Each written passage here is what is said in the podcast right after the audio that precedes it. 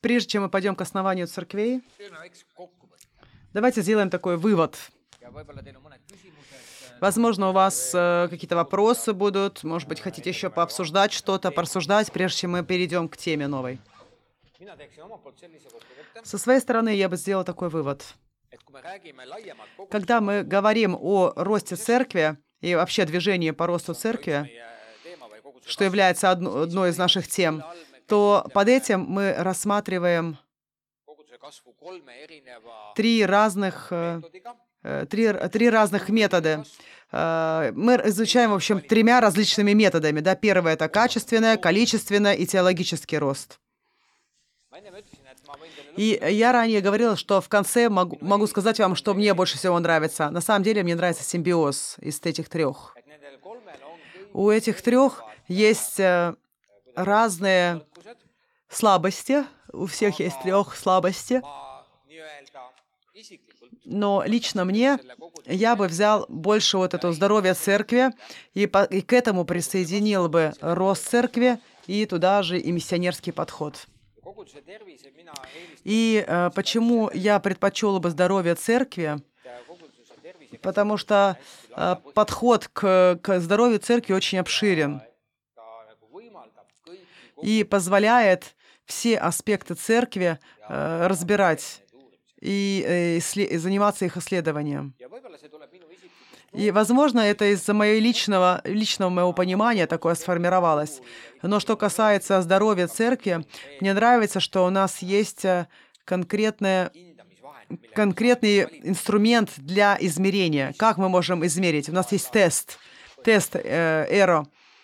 И он очень позволяет нам хорошо измерить здоровье нашей церкви. Э, теологию тоже можно сюда привнести в дополнение э, из миссионального, из миссиональной стороны, но подход, э, общий подход к здоровью церкви, на мой взгляд, очень такой, такой, на мой взгляд, центральный является. Э, первое, слишком техничный был рост церкви, да, э, может быть, даже слишком, с другой стороны, человеческий. Мы исследуем, мы сами типа исследуем, что у церкви неправильно, мы смотрим данные, мы сами стратегию рисуем. Э, в церковь как таковой, э, что касается э, церковь сама там не участвует, а вот когда мы следуем здоровье церкви, то это хорошо, церковь сама участвует, это члены церкви сами дают оценку тому, что происходит, и это очень важный момент. Что касается миссиональной церкви, то здесь теологическая перспектива, что все исходит из Бога, хотя это здесь тоже есть, то, несмотря на это, у этого есть своя ценность.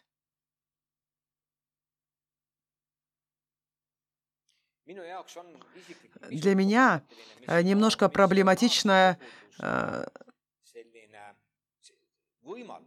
э, небольшая для меня как бы проблема с миссиональной церковью, что она немножко такая слабенькая, что ли, шатающаяся. И, может быть, иногда показаться, что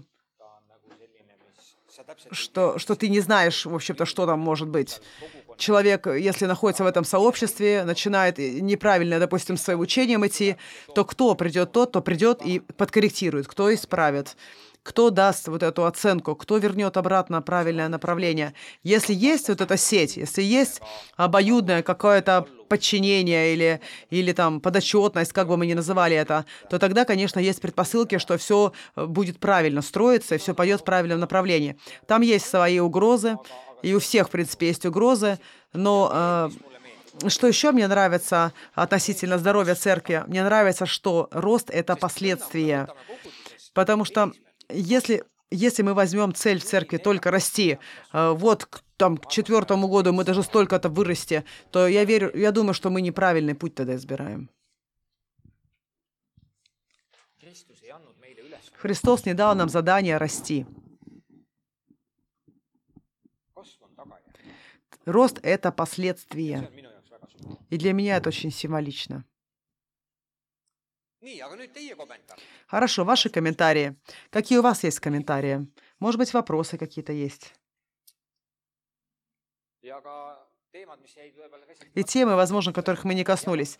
Хорошо, слушаю. Ага, так. Надеюсь, что я услышу.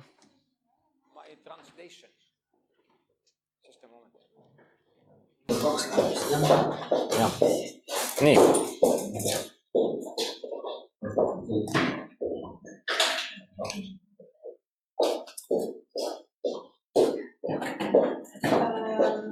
говорили о миссионерской церкви больше, ну, как о чем-то теоретическом. Как это я могу представить на практике? То есть там вообще нет людей. Mm-hmm.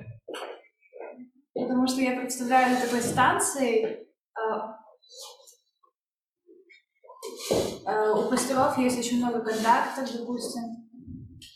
Mm-hmm. И ну, просто такая станция, где проходят люди от одного пункта к другому.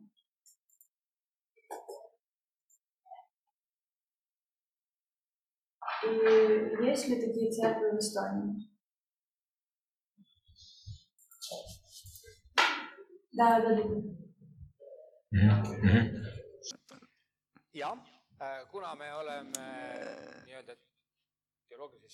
так как мы в теологической семинарии, то моя первая цель была поговорить о концептуально.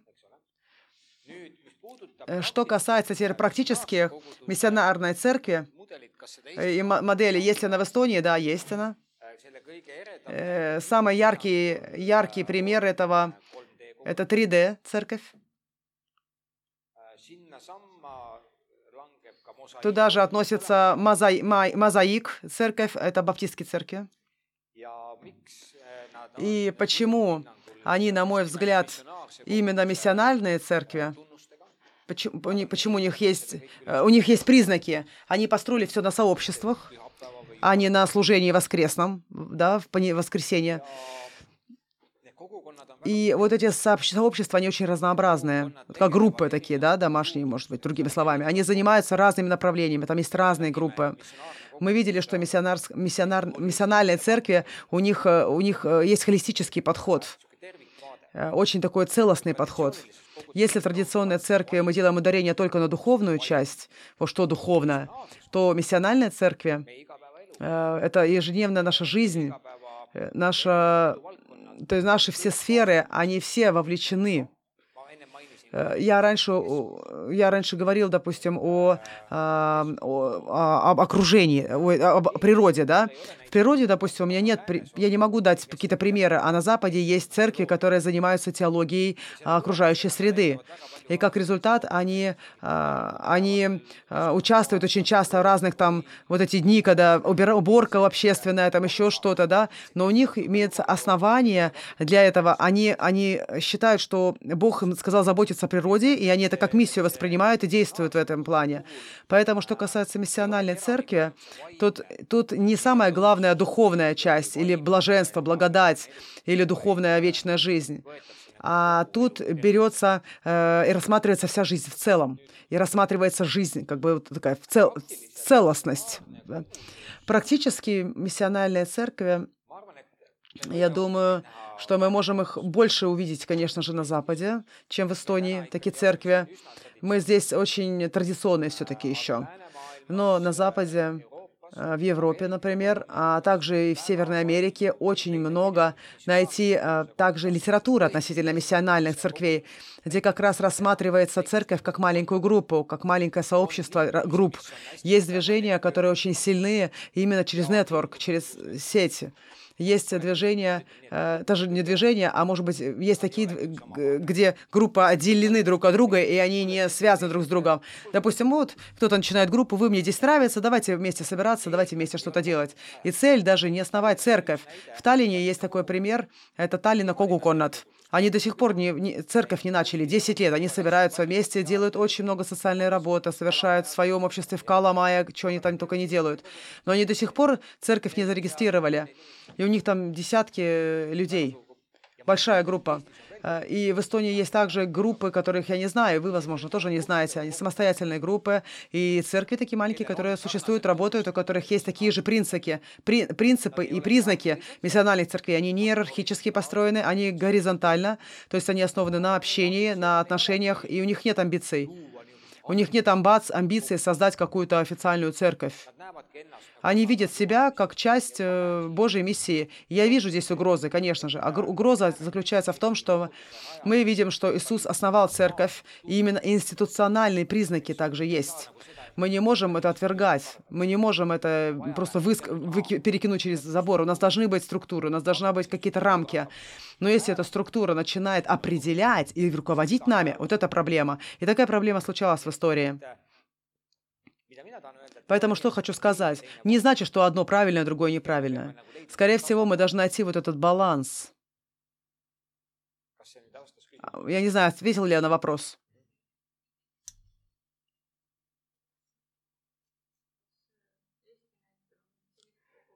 Если на примере Эстонии церкви, где, допустим, был такой э, переворот с одной схемы в другую схему, или, допустим, если люди уже годы одинаково в, одной системе, да, привыкли, то тяжело развернуть. Я должен опять-таки сказать, что 3D-церковь это как не смешно было звучало. Я вообще не знаю, слышали про D-церковь? Нет? Не хочу много говорить, конечно, о ней. Но 3D они начали, э, начали э, с моделью такой, с такими признаками, как аттрактивная церковь, attractional church если, если говорить там такое понятие. Аттракти... Принцип аттрактивной церкви — это делать церковь настолько аттрактивной, что люди захотели бы прийти. Очень современная церковь с таким громким таким тыпс-тыпс, там музыка, все такое все крутую такую церковь, современную вещь какую-то где, где много техники разной. И 3D именно так и начали. И у них приве клуб был а, на Харию Танов, на Харию. И это ночной клуб.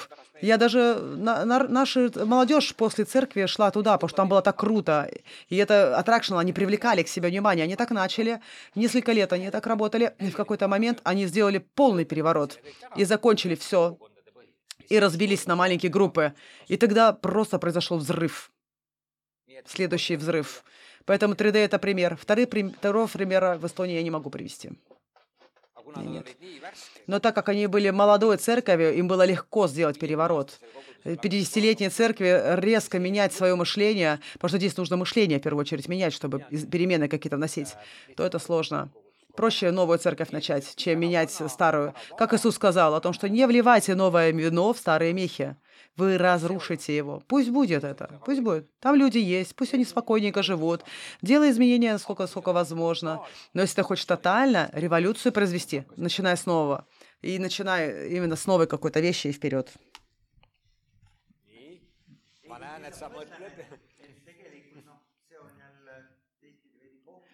Немножко опасно, в общем-то, получится, что все активные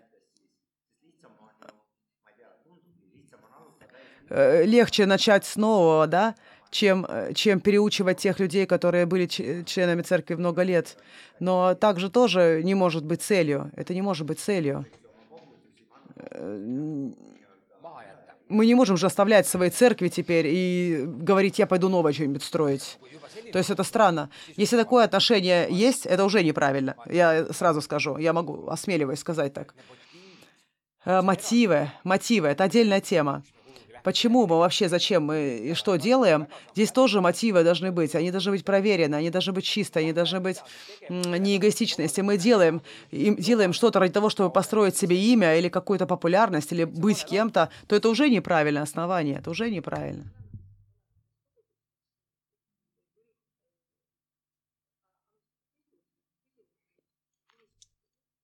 Может быть, начать в старых церквях надо с вопросов.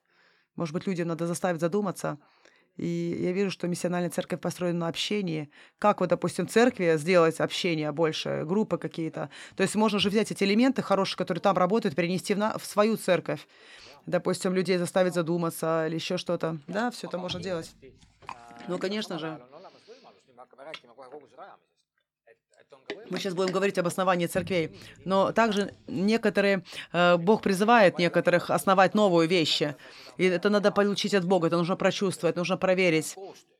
И нужно, конечно же, делать такие вещи э, совместным трудом. Не говори то, что вы не хотите ничего менять здесь, я пойду вот туда и там это сделаю. Так не работает. И это заканчивается обычно плохо, когда такие начинания. Поэтому здесь очень важно, чтобы наши мотивы, они были правильными.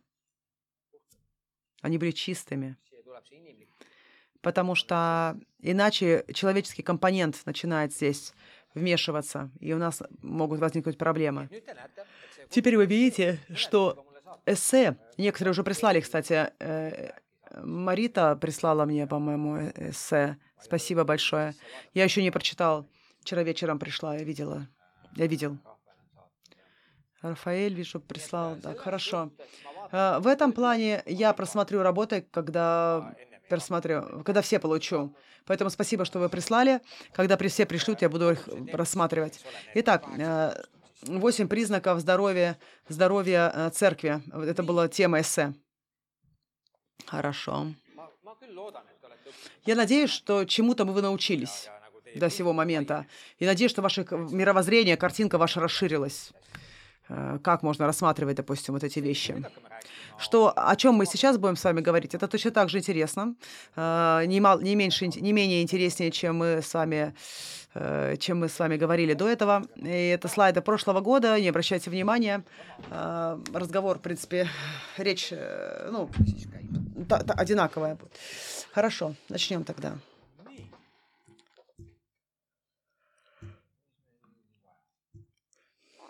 Так, что-то у нас не работает.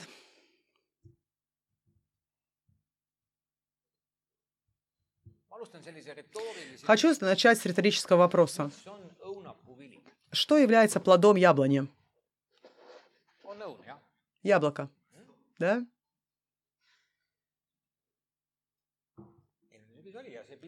Хорошо. Картинка тоже показывает, что плод яблони – яблоко.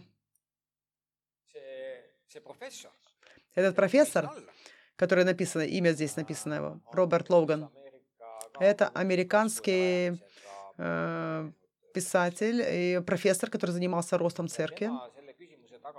И он э, за этим вопросом э, Здесь в этом вопросе есть глуб, более глубокое, глубокий смысл. И он говорит, что наш традиционный ответ – это э, яблоко, плод яблоня яблонка. А он говорит, а на самом же деле он идет дальше и говорит, что плодом яблони является яблоня. Следующая яблоня. Понимаете, да? Куда мы направляемся? То есть плод, плод яблони – это новая яблоня, а не яблоко. То есть в одной яблоке потенциал для нескольких новых яблонь. Если собрать все эти яблони, да, или яблоки, то мы увидим, сколько много новых яблонь может родиться. То есть сначала э, потенциал в виде семечки, и он находится в яблоке.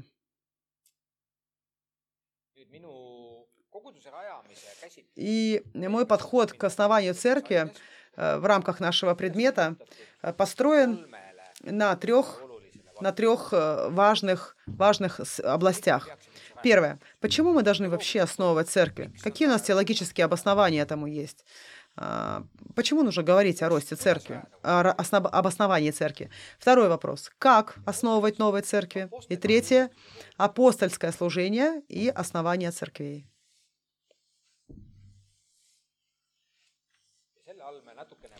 И здесь мы э, посмотрим на пять даров, на пять э, руководи... э, вот этих даров, о которых говорит нам Павел э, Ефесянам, что, дары, да, которые даны были церкви. Пять, пять, э, пять служений, даров служений. И теперь вопрос, почему нам нужно основывать церкви? И этот вопрос э, я хочу обратить к вам. И дам вам немного времени для того, чтобы вы, каждый из вас смог подумать. Это индивидуальная работа. Давайте сделаем так, что немножечко дам вам пять минут. Запущу время.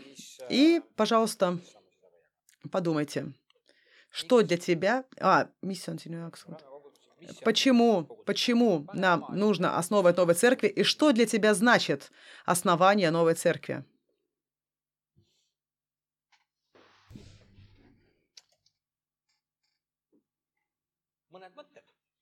Итак, ваши мысли.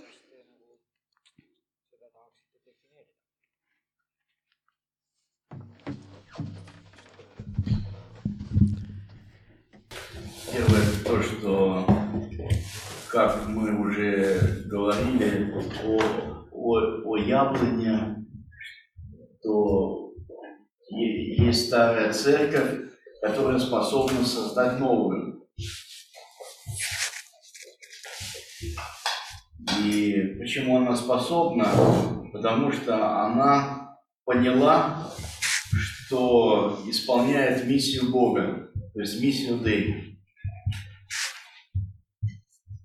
И третий пункт, который я обратил внимание, то, что в старой, э, в старой церкви стало тесно, и нужно э, распространиться дальше.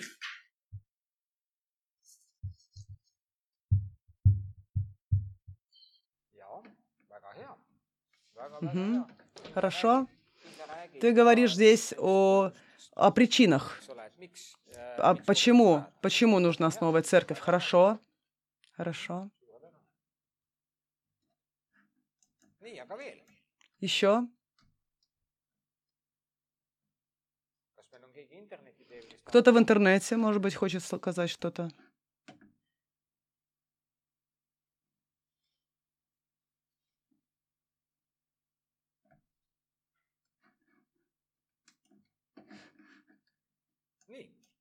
Sure, if you want me to. Yes, please. Uh, church planting is a gathering of people. Основание церквей — это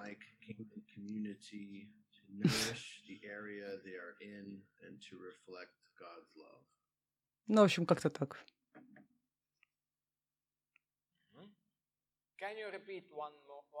Можно еще повторить разочек, пожалуйста? Я не... Все, все поняли вообще, о чем речь?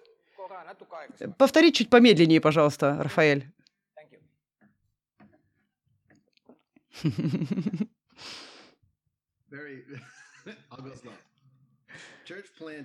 Основание церкви — это собрание людей, которые находятся на миссии, для того, чтобы создавать э, сад похожие на царстве, царский сад, для того, чтобы питать область, в которой они находятся, землю, в которой находятся, и для того, чтобы отражать Божью любовь. Прекрасно. Это звучало как определение прям. Академические прямо, а, академическое определение. Ну, тут, э, чтобы перевести так более корректно, надо подумать. Так, еще кто-то? Мы учимся, поэтому никто не должен совершенно давать теперь какие-то мысли. Можете говорить, что хотите. Когда я думаю об основании церкви, есть две, две стороны всегда легко начать что-то новое. Но когда ты говоришь о насаждении, ты говоришь о саде, то просто в саде, э, заботьтесь о саде, нужно э, ухаживать как за старым, так и за новым на одной территории. Даже яблони, они нуждаются в том, чтобы подстригать их, нуждаются, чтобы срезать ветки, старые, допустим. Поэтому хорошо начать что-то новое, но, может быть, сначала нужно было бы э, посмотреть, как обновить то, что у тебя есть э, уже, да? Может быть, прежде чем начинать новое, обновить старое. Здесь можно сделать так, такой вывод, что на самом деле э, в церквях важ, важно обновление старого и также потребность в насаждении чего-то нового.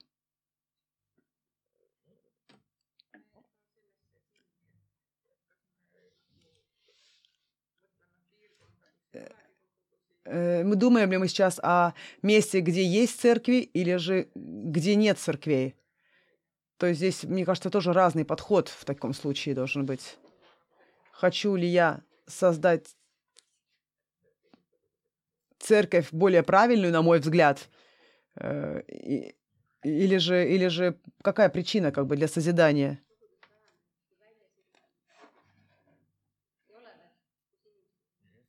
Мне кажется, что основание церкви это все-таки оно должно предназначаться для, для того, чтобы где э, для, для того, чтобы там, допустим, нет, нет церквей.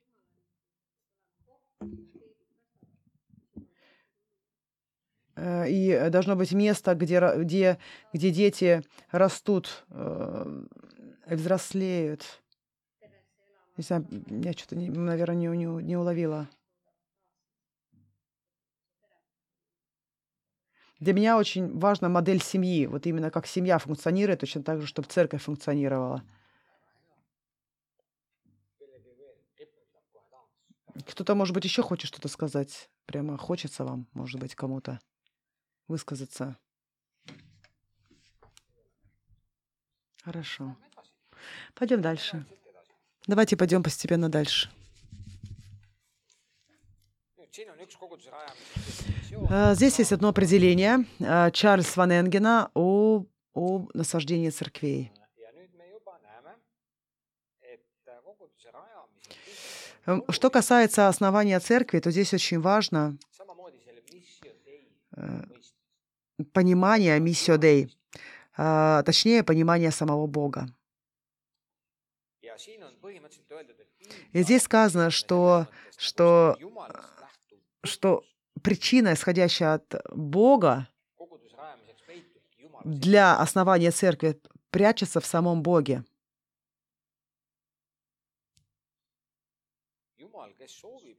Бог желает, чтобы люди, мужчины и женщины, обращались э, и становились учениками Христа, и становились зрелыми членами э, церкви, членами тела Христова. Это может быть немножко такое теологическое, теологическое больше определение. Э, каждую деталь, в каждую деталь не буду углубляться, но, в принципе, идея, идея заключается в том, что э, принцип для основания церкви должен состоять в самом Боге и исходить из самого Бога. То есть главное, главный смысл. Практически, может быть, это не так легко. Как, как мы можем утвердиться в том, что теперь вот, это, вот этот план от Бога, а этот план не от Бога? И для этого есть раз... у этого есть разные признаки. И, может быть, в парочке слов э, в качестве такого экскурса э, расскажу вам, что для меня было важным на протяжении многих лет. Как вообще понять, что то, что я чувствую в своем сердце, что это правильно? Очень часто у нас есть какое-то чувствование сначала, да, приходит какая-то идея. У меня была такая идея, что я хочу э, стать капелланом в, в армии. Это было 25 лет назад. У меня была такая идея. Хочу стать капелланом. И как, что, как я обычно, что я делаю с этими идеями? У меня есть три маяка таких. Это как вот э, три корабля или корабли входят в, в, в, в порт, и здесь несколько маяка, маяков, и он тогда э, выравнивает. Для них важно, чтобы по, правиль, по пути три маяка стояли в одной, в одном, э, ну, как бы по одной линии. Это тогда его путь корабля. И что для меня было важно? Первое – это утверждение Библии, подтверждение Библии. Бог, допустим, дает мне какое-то местописание, которое утверждает мое желание или мою идею. У меня было так, что я начал, э, хотел жениться, и тогда точно так же я молился за это. И у меня было местописание конкретное, до сих пор я знаю, Бог мне дал, и на этом местописании я стоял. И точно так же в любой ситуации для меня очень важно, допустим, да, библейское местописание, как утверждение Божье. Второй момент — это, э, это свидетельство моего руководства духовного или моих старших братьев, сестер. Э, ну, напишу сюда утверждение людей, подтверждение от людей. Это могут быть мои, мои старшие духовные лидеры. Э, допустим, я пошел на э, капелланов работать, тут такая ситуация была. Мой пастор в то время был Алан Лаур, и я ему рассказал всю эту историю, и он сказал, мне вообще не нравится это. Но я чувствую, что это правильно. И так и было.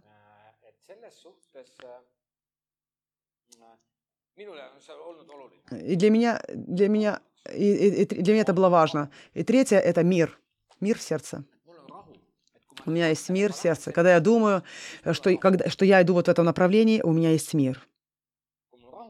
Если у меня нет мира, я же сразу распознаю, да, распознаю, что мне неудобно, как бы у меня не, не, неуверенность. Поэтому для меня вот эти три вещи, они были, имели ключевое значение. И наверху э, здесь мое желание, мои чувства, мои мысли, мое чувствование. Существование, желание, желание. И, и э, в жизни были такие ситуации, где было только два, допустим, из трех пункта исполнено, но никогда не менее, чем два.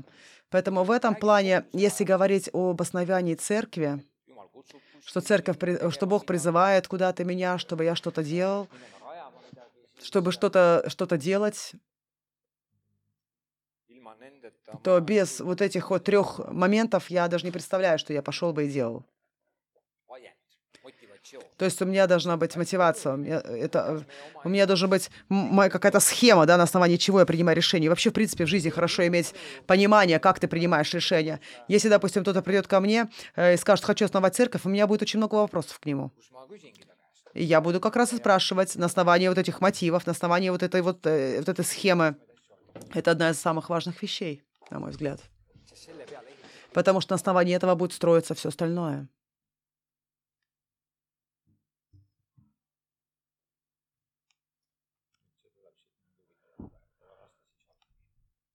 Так, почему-то все опять на одном слайде. Ну ладно.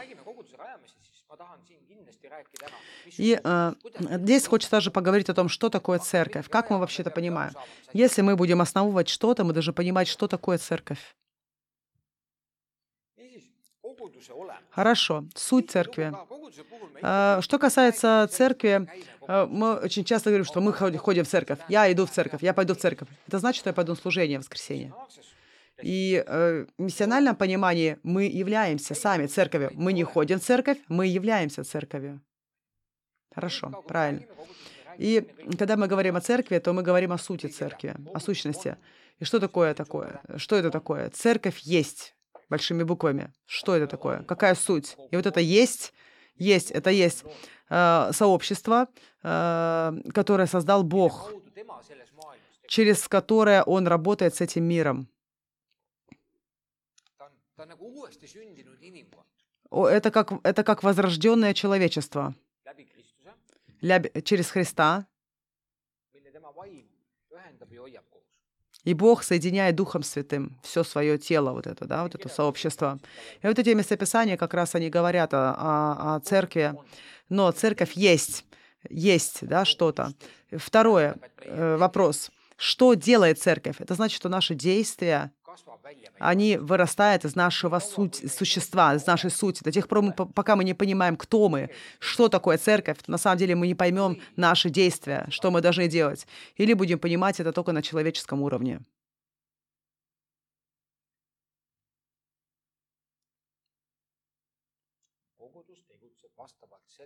Церковь действует в соответствии с тем, э, кто она, кем она является. И это мое мнение. Почему мы Почему мы э, часто сомневаемся в своих действиях? Иногда мы не, не уверены, ищем. И эти наши сомнения не потому, что мы не знаем, что нам надо делать, а, на мой взгляд, самая главная причина, что мы не понимаем, кто мы в первую очередь.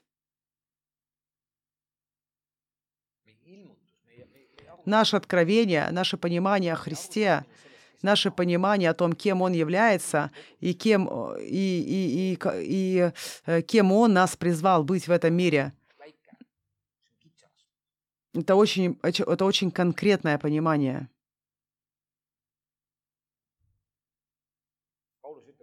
Павел говорит, что во Христе э, находятся все, э, все сокровища.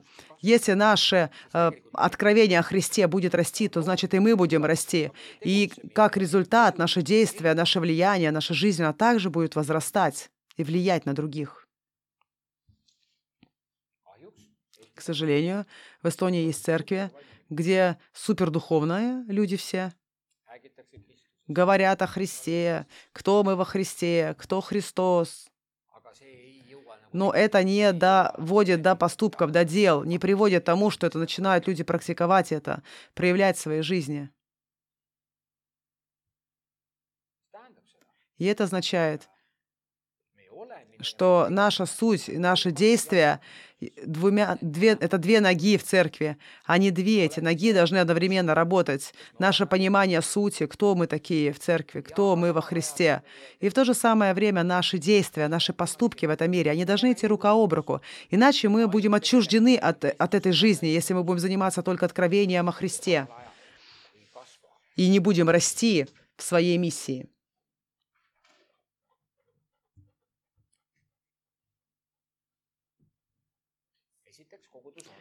Итак, первое. Церковь есть. Второе. Церковь делают.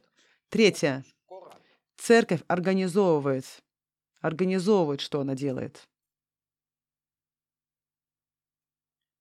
устраивает, что она делает. Мы немножко упоминали, что когда говорили о здоровье церкви, что каждый организм, он сам себя устраивает. Он сам устраивает, да, все внутри себя, всю работу. Моя жизнь а, сейчас настолько быстрая, она никогда бы не была такой быстрой в жизни, никогда не было такой плотной жизни, как сейчас. И все мои сессии коучинга, которые у меня есть э, со своим коучем каждый месяц, э, я в основном занимаюсь э, планированием своего времени как мне быть эффективным, более эффективным. И я сейчас поняла, что мне ничего не остается, что если я буду в 6 э, вставать э, утра и писать свои научные статьи, потому что по-другому я не могу. Теперь я меняю некоторые планы в своем жизни и лучше планирую, потому что я не, не получается у меня по-другому. Я начал устраивать свою жизнь, начал планировать свою жизнь. Если в твоей жизни ничего, нечего делать, тебе нечего устраивать. Утром встал, позеваешь немножко, выпьешь кофейку, потом опять немножко позеваешь, потом подождешь, будешь ждать обед, а потом уже спать. И вот и день прошел. А когда твоя жизнь наполнена, когда у тебя столько дел, тебе нужно организовывать, иначе же ты просто скоро свалишься. И церковь также должна устраивать. Чем более эффективной церковь будет становиться, тем больше нам нужно устраивать все, планировать все. Чем больше вещей в нашей жизни, тем больше нам нужно создавать систему. Иначе же все провалится, ничего не получится у нас. И в этом плане роль руководителя церкви как раз-таки устраивать все. И церковь делает сама это, Бог не делает за нас это все. И задача, которая есть у церкви, задача данным Христом, а, Христо, э, церковь дает форму всему этому, то есть оволакивает формой вот эту задачу. И для этого, конечно, нужно руководство Духа Святого. И очень часто э, руководство Духа, Духа Святыми, оно не заключается в том, что Дух Святой говорит нам конкретно, сделай так или сделай так, а руководство это больше как инспирация тебе приходит какая-то мысль, какая-то идея, и думаешь, ага, да, а почему бы не так вот сделать это или иное? И теперь вот это устройство, это тот аспект в жизни церкви, который нам нужно постоянно э, пересматривать. Вот эта структура не работает, значит, теперь нужно изменять это, э, посмотреть, как вот это или вот это делать. И, при, и главное, чтобы церковь понимала свои, свою суть, кто она, чтобы понимала свою задачу, свои цели, и также могла структури, структурировать э, всю свою, все свои задачи, всю свою деятельность. Церковь есть, церковь делает, церковь устраивает. Если церковь не устраивает свое действие, не организовывает, не структурирует, то то, что она делает, все это развалится. Или же это бесцельно будет. Это будет, ну, такое примерное, примерные стрелялки в воздух.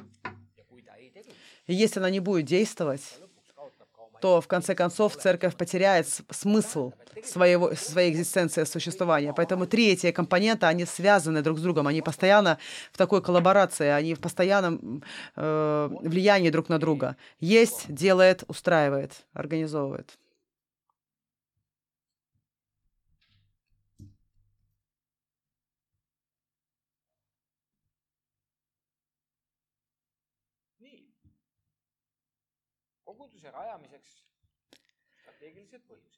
Причины для основания церкви. И также э, э, не- несогласные моменты, да? Допустим, поставим теперь икс- иксики. Разум. То есть стратегические причины э, для основания церкви и также самые распространенные э, против. Как бы, да? Ну, вот я не знаю, на русском есть ли у вас этот слайд? На эстонском, да, я извиняюсь. Кто не говорит на эстонском? Так, первый пункт. А, Народ, народонаселение растет слишком быстро. Второй пункт. Новая церковь, э, новые церкви а, достигают... Ладно, давайте по одному. А, Народ, народ, народонаселение растет слишком быстро. Нужно X сюда ставить или нет? Näevad slaidi inglise keeles jah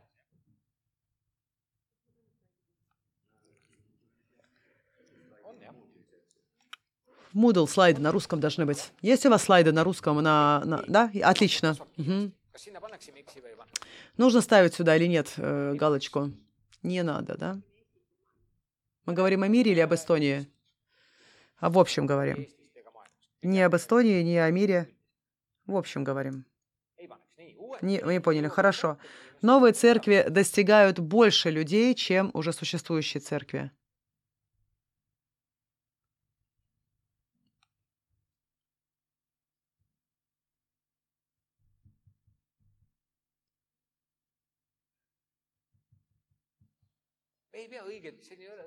Здесь нету правильного и неправильного ответа. Что вы считаете? Моя цель, чтобы мы немножечко задумались, чтобы мы немножко, ну, подумали. То есть не, не поставили бы, да? Хорошо. Следующее. Существую, уже существующие церкви э, склоняются к стагнации. Да, да, они э, уходят в стагнацию. Поставили бы галочку. Следующее. Новые церкви помогают стимулировать уже существующие церкви.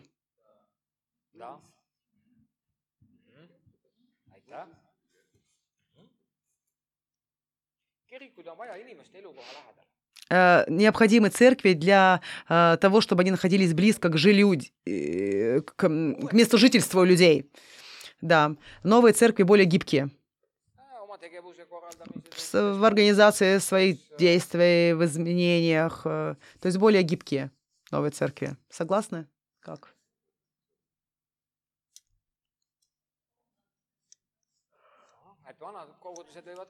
Новые, старые тоже могут быть гибкие. naa То есть э, и так, и так можно, да, относительно вот этого заявления сказать. Одна церковь не может достичь всех. Все Машу, да? Новые церкви э, развивают новых лидеров быстрее, чем уже существующие церкви. Не согласен. не согласен Нет. У многих церквях уже очень хорошо построена система обучения и освещения лидеров. У многих церквях уже старых особенно хорошо построена система обучения новых лидеров.